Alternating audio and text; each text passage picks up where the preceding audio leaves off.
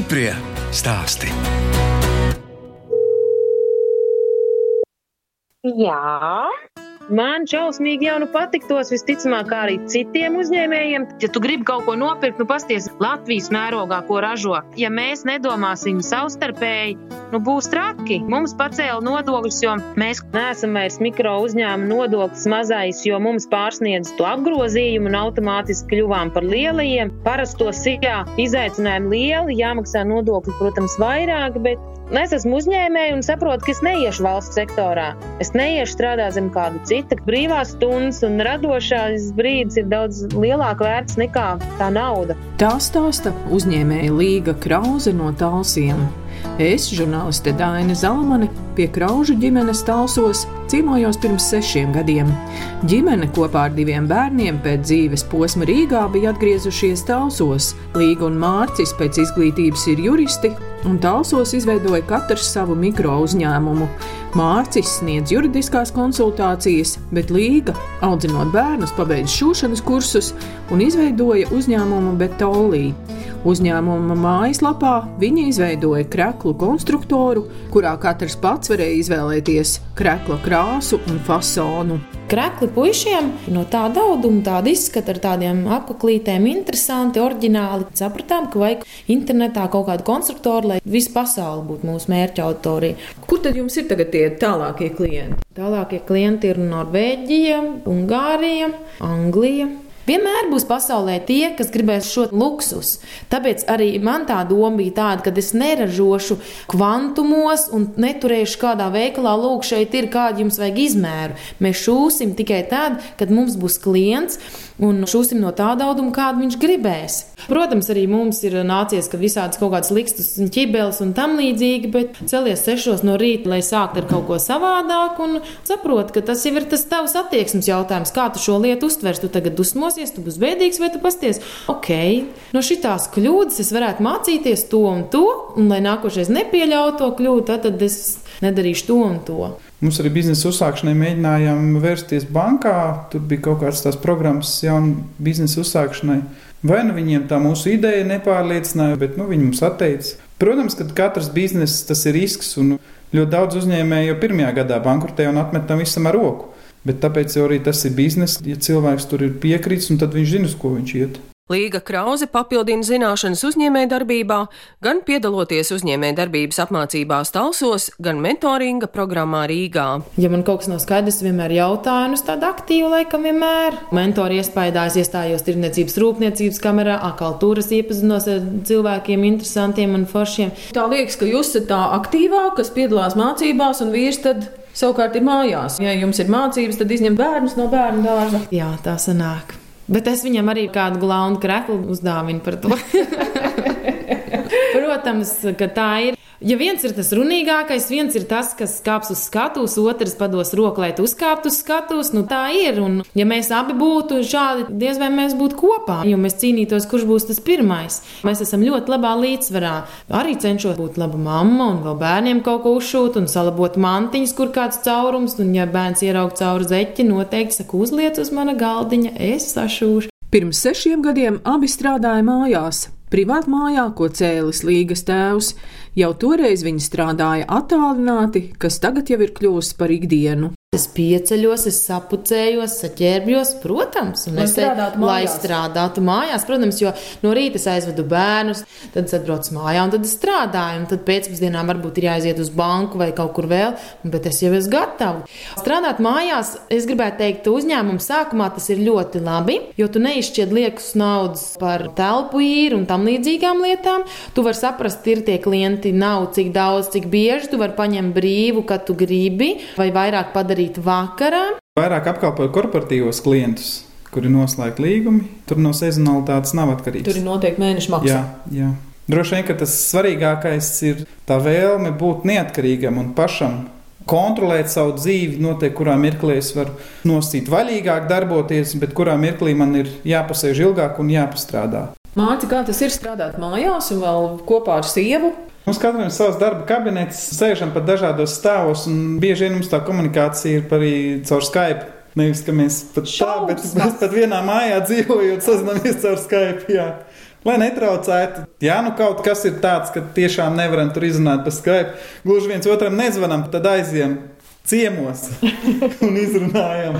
Sešu gadu laikā, protams, arī Līga Krause izveidoja ofisu un veikalu. Bijām pagūši jau divas oficiālas telpas, nomainīt viens tāds tīra oficiāls, un vēlāk jau pārgājām uz tādām lielām, plašām telpām. Pirmais stāvs labā vietā, te jau divus vai trīs gadus. Mums bija šis veikals ar lieliem milzu logiem, kā bija sapņots, bet kaut kā laikus jau atskārtām, sapratām, ka tam vairs nav jēga, ka sāk jau arvien pirkt vairāk internetā visu. Aizvērām šo lokālo veikalu ciet un pārcēlām visu atpakaļ uz mājām, izremontējām garāžu, milzīgu logu ielikām un durvis lai būtu pieejams tas arī klientiem. Garāža ir uztaisīts gan kā oficiāls, gan otra puse ir ražošanas daļa. Un sapratām, ka visu to ko maksājam gan par elektrību, gan par telpu nomu. Telpas bija labas, bet senas un vecas un augstas, nespējām viņas piekurināt. Sapratām, ka to naudu, ko mēs tur tērējām, vismaz pusi no tās mēs varam likt mārketinga vidē, dabūt savus potenciālos klientus un sasniegt to savu sapni, ka mēs esam pieejami pilnīgi jebkurai valstī, jebkuram klientam, kuram ir internets. Nenolieksim, ka staigājot ārzemēs pa dažādām pilsētiņām, redz, ka Vācijā Restorāna īpašnieks pats dzīvo augšā, apakšā ir restorāns. Itālijā tas tāpat notiek Spānijā. Tā kā tas nav nekas neiespējams, mums tik latviešiem tā šķiet jocīgi. Ja neesi smalkās telpās centrā, tad jau laikam tev švaki un grūti iet, un tu vispār necenties izaugt. Tā kā mums strādāšana mājās jau bija no 19. gada novembra. Un tai pašā laikā jāsaka milzīgs paldies tēvam, kas ir uzcēlis trīsstāvīgu māju, kur ražošanu un biroju sanāk mums izvietot mājas nultajā stāvā. Līga stāsta, ka uzņēmējiem jāseko līdzi norisēm pasaulē un jāprot ātri savu ražošanu pārorientēt. Krekli, protams, kvalitāte nav zudusi, bet šajā situācijā, kad cilvēki arvien mazāk iziet sabiedrībā, mazāk vajag lietišķo stilu. Kreklu pirkumu varbūt ir mazliet mazāk, bet visādas citādas jaunas lietas, ko mēs piedāvājam un ražojam. Šobrīd arī personalizēts tauriņš Tu izvēlies dizainu, kādu tu tauriņu gribi zilu ar sarkanu, un blakus lauciņā jau izvēlies. Tu gribi, lai tev izšuj burtus, iniciāļus, logo tādā un tādā krāsā. Un tā mēs piedāvājam gan somas, džemperi, hūdiji, maisiņu un vēl visu kaut ko. Un dvieļi ir tāda top lieta. Mājasēdē varēja just, ka tuvie mīļie sūta vecākiem dāvanas Covid-1 viļņa laikā Līga Krause savā uzņēmumā ražoja sejas maskas, ko iegādājās daudzi pircēji Amerikā. Ļoti daudz rakstīts, cik superīgi daudz dizainu, pa kuru laiku, un kā jūs zinājāt, ka vajadzēs. Un līdz ar to, ja tev lielāks šis piedāvājums, tad mums bija ļoti daudz pirkumi. Bija posms, Covid pirmais vilnis, uz kuru mēs jau bijām ļoti gatavi ar sejas maskām. Tad vispār 100% tirgus bija ārzemes, 99% tā bija Amerika. Mūs iegāza kārtējo reizi vietējie latvieši ar to, ka mēs no Amerikas saņemam ziņu un sākam pētīt izsakošanas numurus, kad ļoti ilgi paciņi stāv Latvijā. Latvijas pasta vadība neteica nekur ziņās, ka viņi vispār nesūta prom neko. Un, vārdu sakot, mēnesi jau mēs strādājam ar Amerikas tirgu, viss notiek veiksmīgi, un tur un vispār netiek aizsūtīta prom. Un, kā jau zinat, e-vidē tas vispār ir šausmīgs notikums. Ja kāds nav kaut ko saņēmis un neredz, ka viņš vispār kustās un tiek izsūtīts. Saņēmām dažādus ēpastus, kur bija atkal, kā saka, savs ražošanas potenciāls spēks. Jāinvestē, lai tu viņam rakstītu, atbildētu, komentētu, skaidrot. Pēdējais paciņš, kas netika piegādāta, atnāca atpakaļ, ja nemaldos, bija pagājušajā mēnesī kad sākās problēmas, noslēdzām līgumu ar DHL trīs dienās, pat dažbrīd otrajā dienā paciņa ir Amerikā, Ņujorkā. Vajadzēja tikai uzņēmējus brīdināt, ka šis pasākums nenotiek ar Latvijas pastu. Samainām politiku, uzliekam, protams, savādāk piegādes maksas, bet tur viss strādāja. Un šobrīd atkal ir tas uzsvars, ka atpakaļ ir Latvija 80% un 20% uz ārzemēm. Biznesā tas tā arī ir. Ne brīdu nevar atslābt, Tāpat ir dziesmu svētki, tad atkal dziesmu svētku kolektīvi kaut ko grib. Nāk pavasara sezona, kad motoklubu biedriem sākās tūdaļ izbraukumi un, un tikšanās, un tad arī tie grib jauns tērps izšūts, nomarķēts. Tā kā izšūšana ir tas mūsu lielais trumpis, ko mēs piedāvājam, veicam uz visa kā. Šis izšuvums ir tas, kas piedod tādu papildus vērtību šim produktam.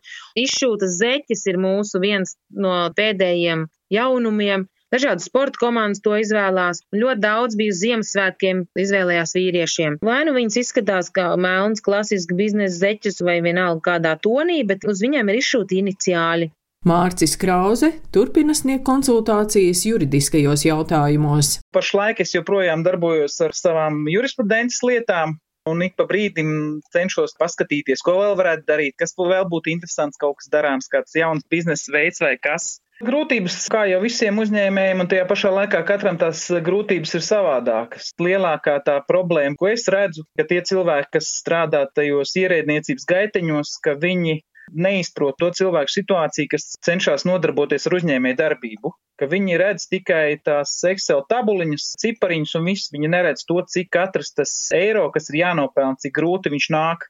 Līdz ar to tiek pieņemti dažādi lēmumi, ko uzņēmēji īsti nesaprot, kāpēc tieši tā un savādāk. Ja cilvēki, teiksim, saprot, ar ko viņiem rēķināties, ja viņi redz, ka valsts pa viņiem rūpējās un palīdz un atbalsta, tad jau viss notiktos. Bet vairāk gan izskatās, ka šis te atbalsts ir tāds deklaratīvs un formāls, nevis tāds, kas reāli uzņēmējiem tur palīdzētu. Kraužu ģimenē aug dēls un meita, kas mācās 3. un 4. klasē, un šobrīd mācās mājās. Jāsaka liels paldies vīram, viņš tur vairāk pieslēdzas un palīdz mācību ziņā, acīm redzot, esmu plašs profils speciālists, nu, izņemot uh, mūzikas nodarbības un mūzikas skolu. Tur gan man zināšanas tik tālu nesniedzās, lai es varētu bērniem palīdzēt. Bet cenšos visu, ko bērni prasa, to arī palīdzu. Bet uh, mūsu uzstādījums bērniem ir jācīnās pašiem.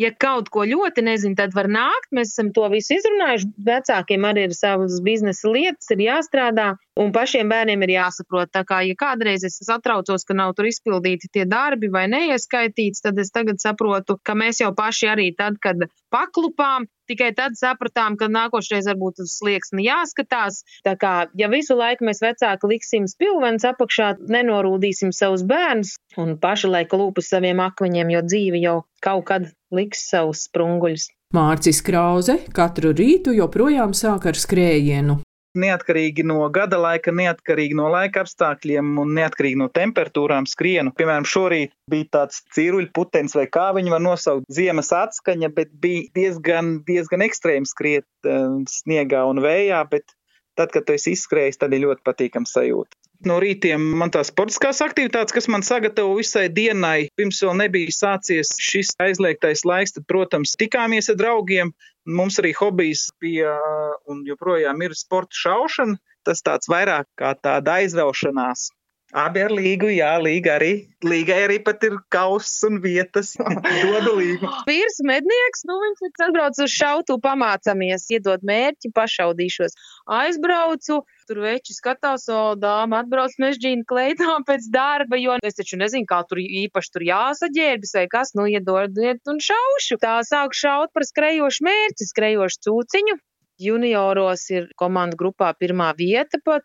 Lielākais izaicinājums bija tas, ka visu laiku šāva ar tādu maskalībreni, tā viņu sauc. Bet lielākais, jā, man tas gandarījums bija par to, ka es saku, nu tad um, es to bisti gribu. Kā šāva, tad sacensībās pirmo reizi es teicu, nu pasakiet, kas tad tur man jādara. Viņi saka, nu būs liels acitiens, ā, nu labi, nu tas atverš to to strumu ciešāk un dabūju trešo vietu pirmajā reizē. Un, nu, tas tāds tiešām gandarījums, un tas man ļoti patīk, jo mm, es kā uzņēmējs vienmēr, kad redzu to mērķi, un es tā pie sevis nodomāju, es to mērķi sasniegšu, un tas tā būs.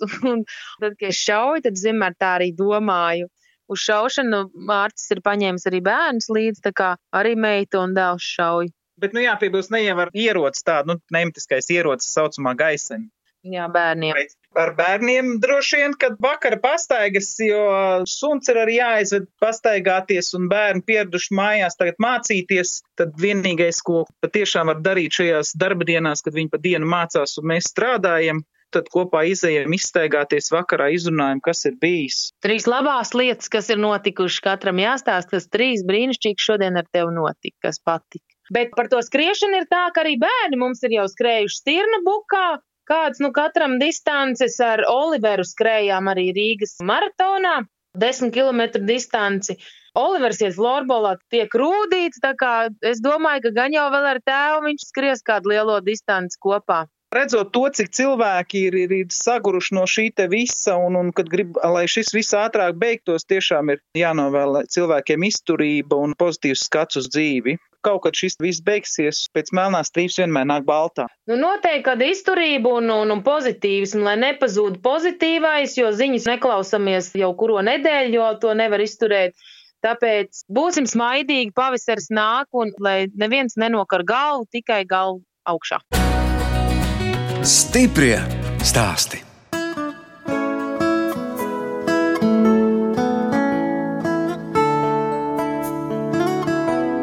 Jūs klausāties raidījumu stipri stāstī. Radījuma turpinājumā dosimies uz Madonas novada Mētrienas pagastu. Lauris Mitenieks, 22 gadu vecumā, aizbrauca strādāt uz Zviedriju. Tagad bijušajā kolhoza minerālu mēslu glabātuvē viņš izveidojis uzņēmumu Mithus, kurā ražo koka karkasa paneļu mājas. Lielu daļu no saražotajām mājām eksportē uz Zviedriju, un tās tur uzstāda latviešu puiši, kas strādā ražotnē Mētrienas pagastā. Logi durvis viss jau ir iestiklots un gatavs uzstādīšanai objektā. Un kas tad šitie jums skaitās par Šie galdiem? darba galdi. Bet tādu uz sliedītēm. Jā, jo mēs nedaudz esam ierobežoti ar augstumu. Tāpēc projektētājs palīdzēja mums ar labu domu, kad uz sliedēm ceļot ar teleferi augšā, to mājas karkas apgriezt otrādāk. Pirmo galdu uztaisījām 15 metru garu. Tas tāds maksimālais sienas garums. Otrais galds mums ir uh, 7 metri garš. Te pa malām jau ir sakrauti dēļi, tad te jau žūst koku materiāls. Nē, koku materiālu mēs pērkam izžāvētu jau ar C24 standartu. Tad, kad ir gradēts un kaltēts koku materiāls, viņam ir jau Eiropas certifikāts. Drīkst izmantot konstrukcijās. Pārsvarā egli priedi materiālu iepērkam tepat Madonā. Un, e, specifiskākus tad no Rīgas vedu. Kas tad tur jau jums ir? Kaut kādas sagatavas arī jau sagatavotas, jā? Ja? Šeit ir izgatavotas gatavas spāras, kas objektā ļoti ātri tiks saliktas kopā, saskrūvētas un uzceltas uz mājas augšā, lai objektā uz vietas nevajadzētu viņas ražot. Sapakotas, lai mazāk aizņem vietas transportēšanai. Skandināvijā koku mājas, protams, ir ļoti populāras. Jā, tur viņiem kopu mājas ir ļoti lielā cieņā. Bet koku mājas ir vairāk tā kā vasarnīcas viņiem kaut kur ārpus pilsētām. arī lielās dzīvojamās mājas, nu, kuras nav vasarnīcas. Sākot no 120 kvadrātmetriem jau ir normāla māja. Nu, ir kas grib 300, ir kas grib vēl vairāk. Man ir teikuši, ka koka māja ātrāk sapūs, bet tas nepavisam nav tā. Koka mājas dzīvo līdz 150 gadiem. Nu, tagad taču ir arī visādi materiāli, vai ne? Jā, materiāli. Mēs vairāk uzstādām un uh, darām iekšdarbus. Kā teikt, baltā apdara. Kādu mēs skaitāmies kā darba spēks? Visi ir priecīgi. Latvijam varbūt ātrums lielāks. Zviedrijs praktiski vienmēr ir laimīgs, kad uh, strādā mūsu puiši. Viņi izdara citreiz darbu reizes divi ātrāk. Zviedrijā, kurā vietā tieši jūs strādājat, vai tie objekti ir dažādi? Tie objekti ir dažādi. Lielākoties Stokholmā ir arī Tendālenā, 600 km no Stokholmas. Aizlidot, atlidot, jau droši vien nav problēma, ne? Nē, Satiksme ir laba. Ja laicīgi pasūta biļetes, biļete, maksā 20 eiro, jālido ir stunda un esi mājās. Ir arī tas pats eh, kuģis, kurš kursē katru dienu.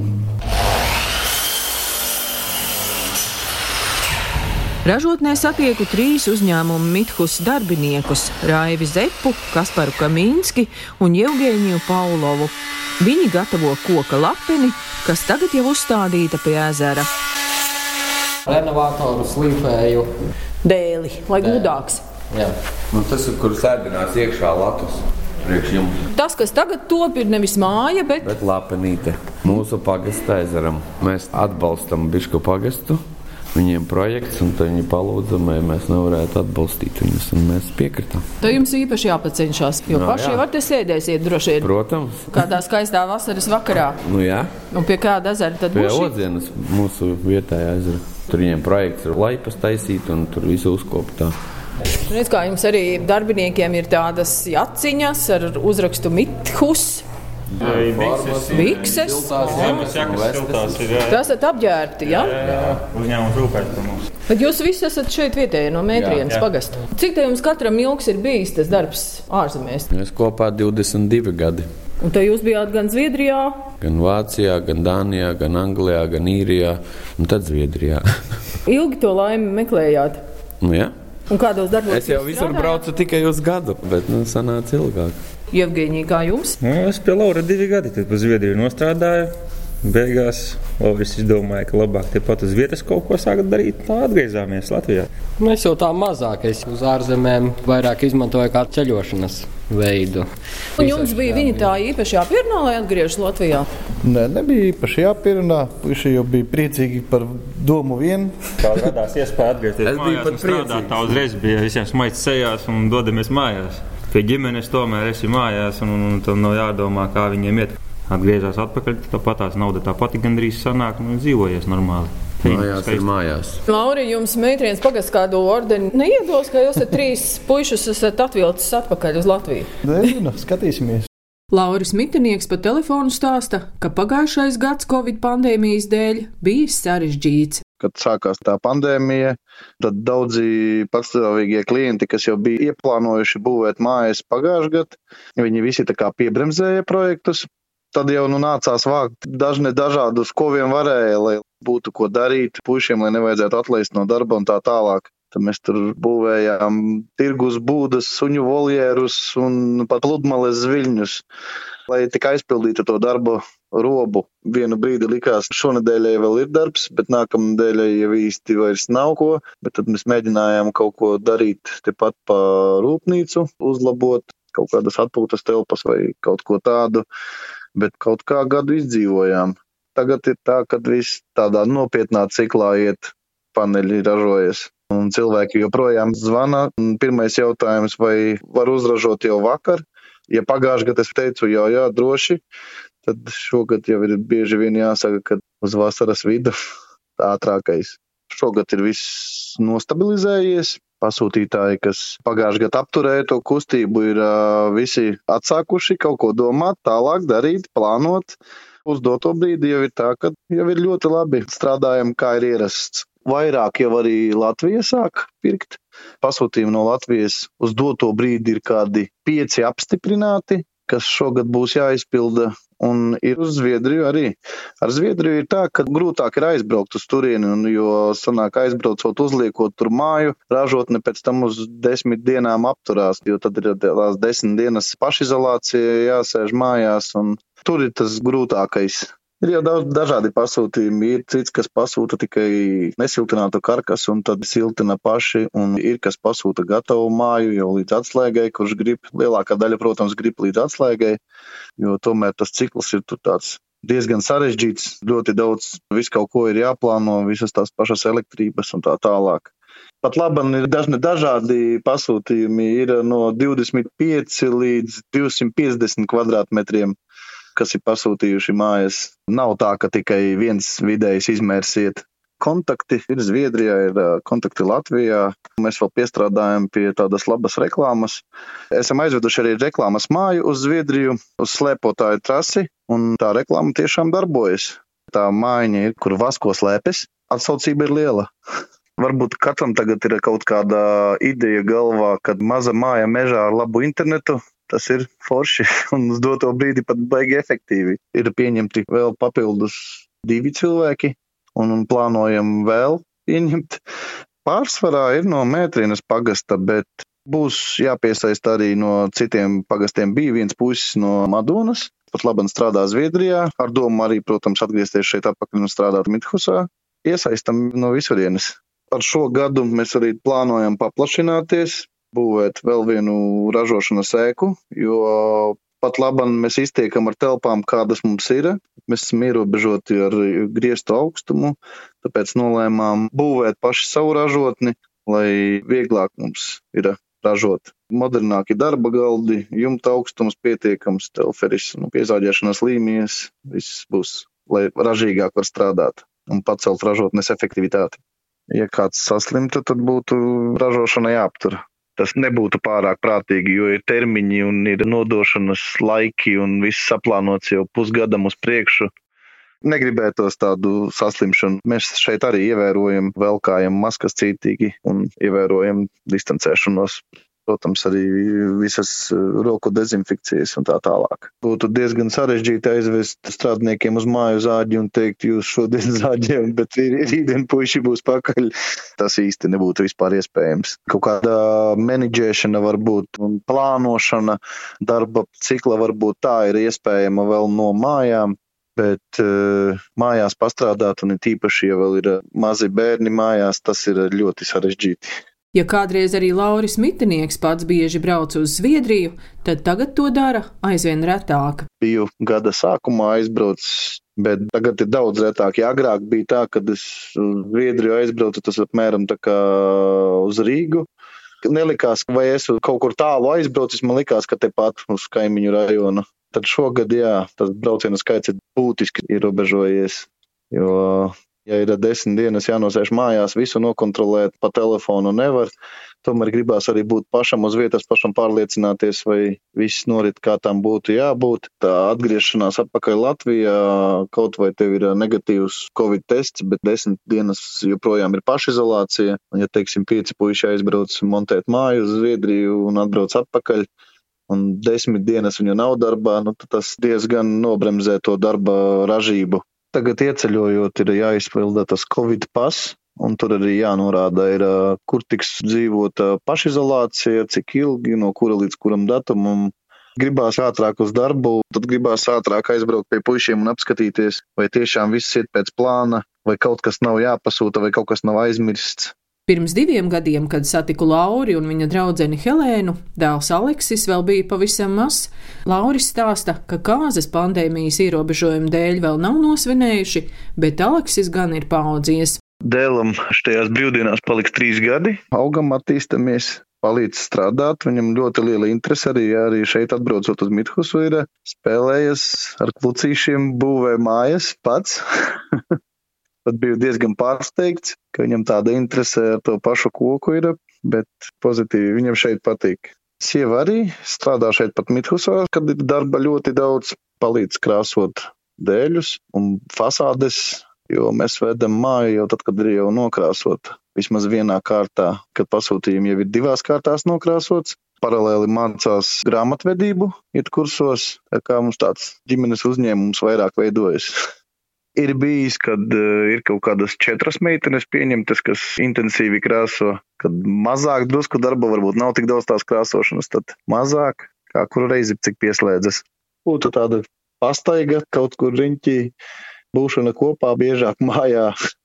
Pagājušajā gadā vasarā bijām aizbraukuši vienkārši līdz liepājai, līdz, līdz jūrai apskatīties. Bija ļoti vējains, Dēlam tas īsti nepatika vispār, bet tā pavizinoties varbūt Latviju var aizbraukt uz kaut kurieni, apskatīties kādus torņus. Es pat nemaz nezināju, ka tur ir kaut kādi skatu torņi. Teču purvā Viņu laikam daudz ir. Es visus pat nezinu no galvas, kur viņi ir. Ir plāns tos apbraukāt. Ja viņi nebūs arī jau aizvērti cieti, jo cik dzirdēju, ka vienu brīdi arī tos skatu torņus dēļ Covid gribēja aizvērt tos turisma objektus. Īsti jau iespēju nav, nav kur aiziet nav kur sapulcēties. Stāstīju, kad mēs dubļu gonkā braucam, arī tas ir iepauzēts ļoti nopietni. Veselību, izturību un cerams, ka ražotnes neskars Covid un drīkstēs turpināt strādāt. Nebūs Covid ierobežojumu vai kaut kas tāds.